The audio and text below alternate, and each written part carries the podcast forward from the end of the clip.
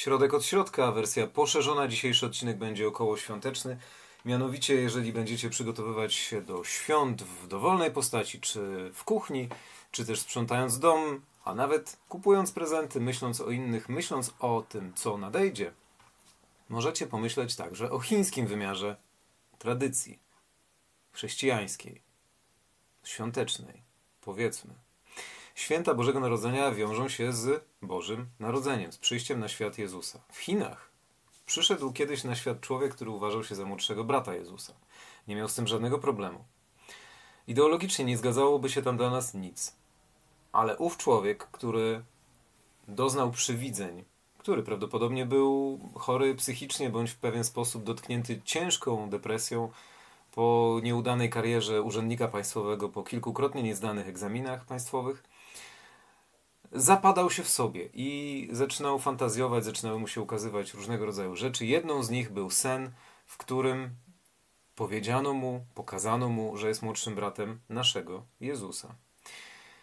Na podstawie tych wizji stworzył swój kanon wierzeń, swój kanon postępowania i zaczął wcielać go w życie. Znalazł sobie podobnych i stworzył niebiańskie królestwo Taipingów.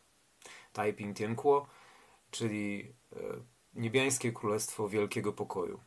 Była to rebelia, która miała szansę w drugiej połowie XIX wieku obalić ostatnią chińską dynastię Qingów. Była o włos od tego.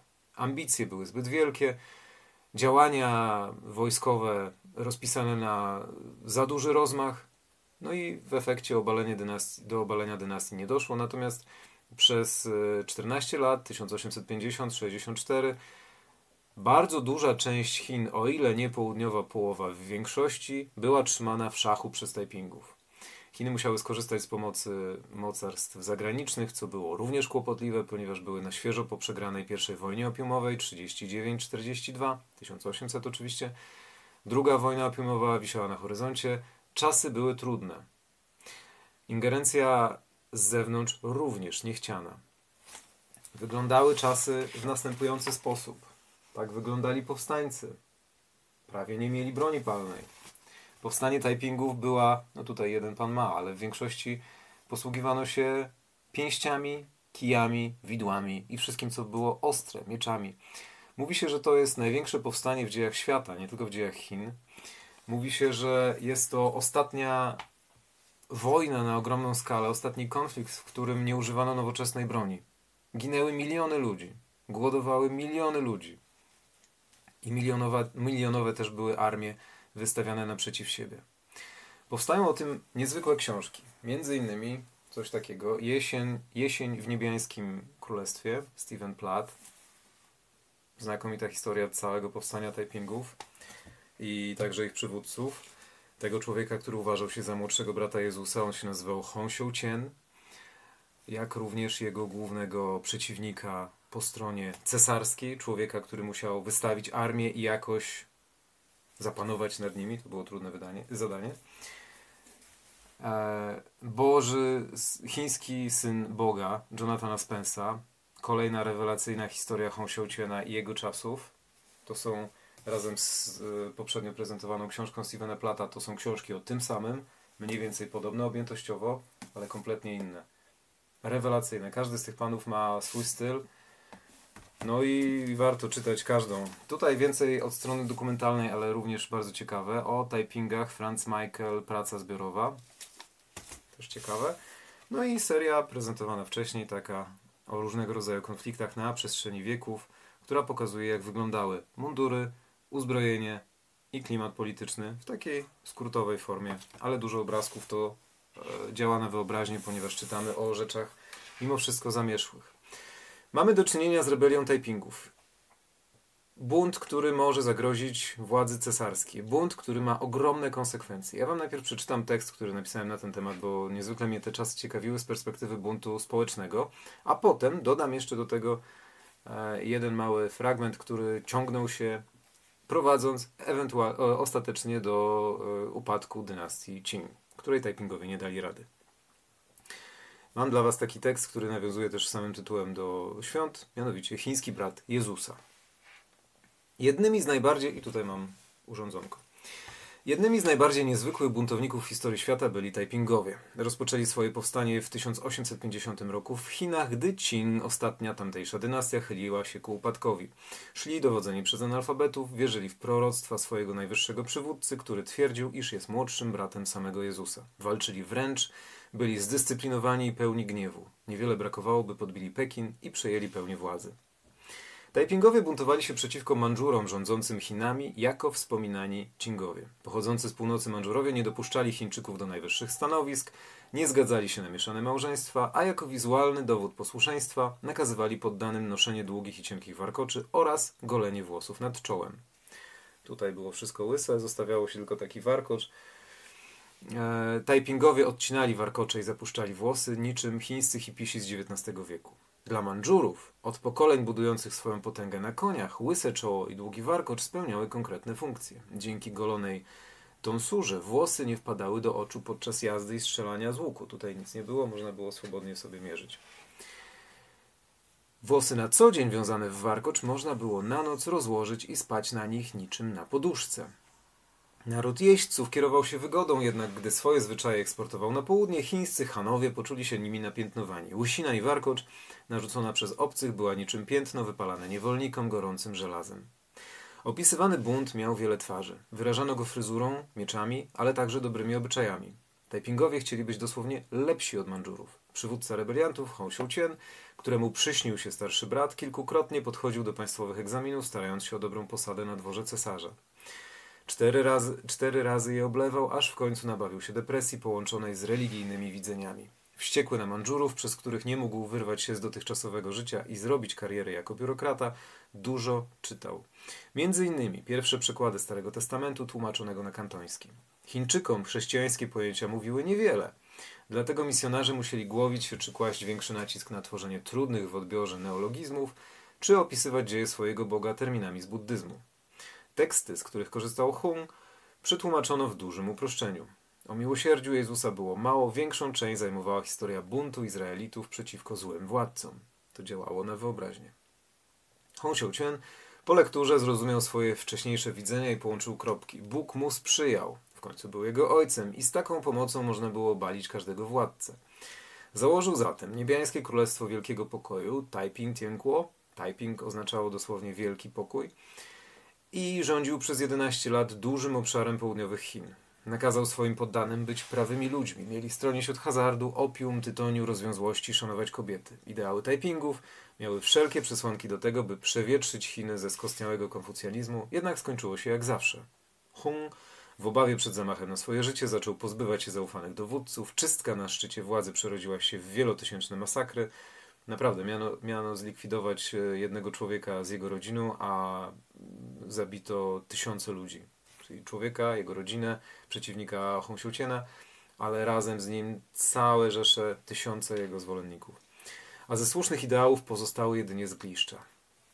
Taipingowie zostali pokonani i wyparci ze świadomości ówczesnego cesarstwa. Pozostało po nich niewiele więcej niż do dzisiejszych czasów zdołali przechować cudzoziemcy.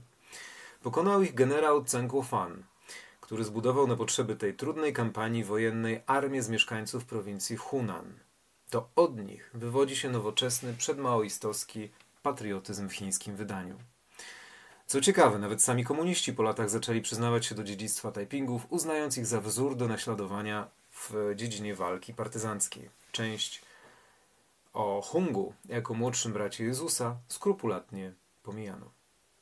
Zmagania Taipingów z cesarstwem nazywa się ostatnią wojną starego rodzaju. Najczęściej walczono na pięści i miecze z broni palnej czy artylerii korzystano sporadycznie. Wśród powstańców było wielu górników mających dostęp do materiałów wybuchowych, dlatego miasta zdobywano wysadzając w powietrze mury obronne. Na froncie nie było łączności, nawet mowy o opiece medycznej. Innowacją był jedynie system sygnałów przekazywanych między jednostkami przy pomocy kolorowych flag. Buntownik bez warkocza musiał być niezwykle zdeterminowany, by decydować się na taką wojaczkę. Hong Xiaoqian chciał, by nie było prywatnej własności, co także po latach spodobało się komunistom. Dlatego dzielono obywateli na komuny liczące 25 rodzin, które musiały dzielić się wszystkim, co miały. Bunt może przybierać różne formy. Taipingowie są wdzięcznym obiektem do zastanawiania się nad istotą rebelii, jej motywacjami i kierunkami rozwoju. Tak bardzo nie pasowali do ówczesnych realiów chińskiego cesarstwa, wierzyli w kompletnie obcą dla swojego kraju, dla swojego kręgu kulturowego religię, ufali człowiekowi, którego do sprzeciwu doprowadziła wewnętrzna frustracja. U Taipingów teoretycznie nic nie powinno się zgadzać, a jednak byli w stanie przetaczać się przez kolejne prowincje, maszerować wytrwale tysiącami, maszerować wytrwale tysiącami po terenach pozbawionych dróg, zdobywać miasta i rosnąć w siłę. Byli tak antysystemowi, że aż ze swojej buntowniczej i antymandżurskiej anarchii stworzyli zręby nowego państwa. Tacy byli Taipingowie, ale po nich, jak już ich rozbito, zostało bardzo wiele. Został Cengło Fan jako dowódca, który potem wykształcił po pierwsze zwyczaj tego, że armia państwowa już nie miała władzy jedynej. Nie było tak, że wojska wysyłało jedynie się z Pekinu i wszyscy musieli się ich słuchać. Stworzyła się tradycja tego, co potem zostało nazwane warlordami, czyli Chunfa, takimi panami, którzy byli lokalnymi dowódcami wojskowymi. Tylko czasem ich rejony były niezwykle ogromne, obszerne, może mało zaludnione, ale ogromne. Czasami gęsto zaludnione, ale równie strategicznie ważne. Jedną z y, konsekwencji zatem tego powstania było rozczłonkowanie armii i decyzyjności. Pekin nie był w stanie już tylko i wyłącznie sam decydować o losie reszty Chin. Ten proces nie zadział się oczywiście jak za przyciśnięciem włącznika, z zera nie przeszło się w jeden, natomiast y, kiedy Taipingowie zostali pokonani w 1864 roku, pozostało niewiele czasu, niecałe 50 lat do upadku dynastii Qing, czyli do 1911 roku, a później kraj do 1949 roku pogrążył się w wojnie domowej.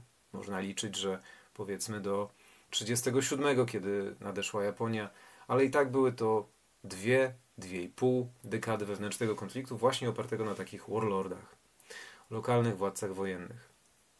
Kolejną e, rzeczą, którą zaobserwowano podczas powstania Qingów, było konsekwentne upadanie budżetu e, podczas, przepraszam, e, powstania Taipingów, było konsekwentne upadanie budżetu dynastii Qing, ponieważ wówczas obejmowała władzę coraz bardziej kumulując swoje wpływy cesarzowa wdowa Cixi.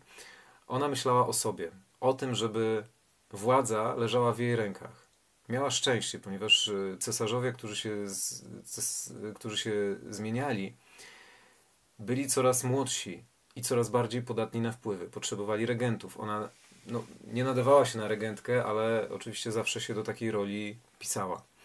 I w tej sytuacji, dbając o siebie, czyściła skarbiec coraz bardziej i bardziej. Nie chciała kupować nowego uzbrojenia, dochodziło do dużych przekrętów, jeżeli chodzi o, o jakość tego uzbrojenia, a cesarzowa wdowa wolała inwestować w nowy pałac, nowy ogród, a jeżeli siły zachodnie niszczyły jej pałac, budowała sobie nowy. Pieniądze były trwonione, nadchodziły klęski żywiołowe i pod koniec XIX wieku nastała wielka susza na północy.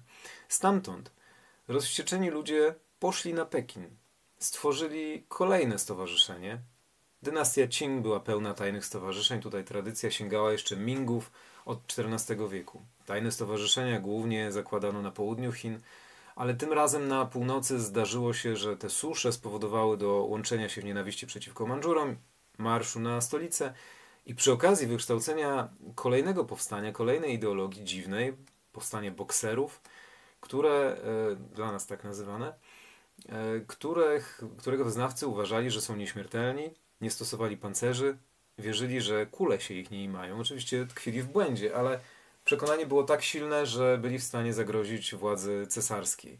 W tym momencie, kiedy w 1900 roku ta rebelia powstała, cesarzowa Tsushi nie sprzeciwiła się im, tak jak poprzednio Taipingom, ale powiedziała, że to właśnie bokserzy są jedyną nadzieją na wypędzenie cudzoziemców z Chin. Myślała, że to się uda, ale się nie udało. Cudzoziemcy stworzyli kontrę, bokserzy bez pancerzy zostali unicestwieni. Cesarzowa jeszcze bardziej zmuszona do uległości i do zapłacenia kolejnej kontrybucji. Natomiast kolejnym, dalszym skutkiem powstania Taipingów był wzrost siły Japonii. Japonia wtedy, kiedy Taipingowie byli rozgromieni, dopiero otworzyła się na świat. Taipingowie 1864, koniec powstania, Japonia 1868, początek y, tego, co nazywamy restauracją, czyli otwarciem Meiji, Meiji od nowego cesarza Mutsuhito, który wówczas objął władzę 1868, 4 lata po Taipingach. A już w 1900 roku, czyli 32 lata później, cesarstwo japońskie było w stanie tak szybko nadrobić e, zapaść technologiczną i niedostatki polityczne, że wystawiło największy w regionie kontyngent wojskowy zdolny do opanowania sytuacji po powstaniu bokserów w Chinach. I tym samym, mimo że armia była stworzona z ośmiu mocarstw zagranicznych, to japońskie wojska trzymały w ryzach to wszystko to, co działo się w Pekinie. Bardzo wiele skutków, konsekwencji pociągnęło za sobą powstanie ludzi wyglądających jak chłopi. Jak ludzie prawie że z grabiami i halabardami, którzy chcieli zaprowadzić nowy porządek w Chinach. Im się nie udało, ale konsekwencje ich dzieła były niezwykle dalekosiężne. A przede wszystkim bunt został ugruntowany przeciwko temu, co było. A było od wieków cesarstwo. Pół wieku po Taipingach już cesarstwo nie powróciło nigdy. Taka to świąteczna refleksja i historia na czas y, przygotowań do Wigilii, Świąt Bożego Narodzenia, Adwentu, a także na każdą inną dowolną porę roku. Walczono przecież długo, nowy porządek nie rodził się w ciągu jednego tygodnia, ani jednego popołudnia czy przedpołudnia. Więcej zderzeń z chińską i azjatycką rzeczywistością Państwu życząc, żegnam się do następnego odcinka.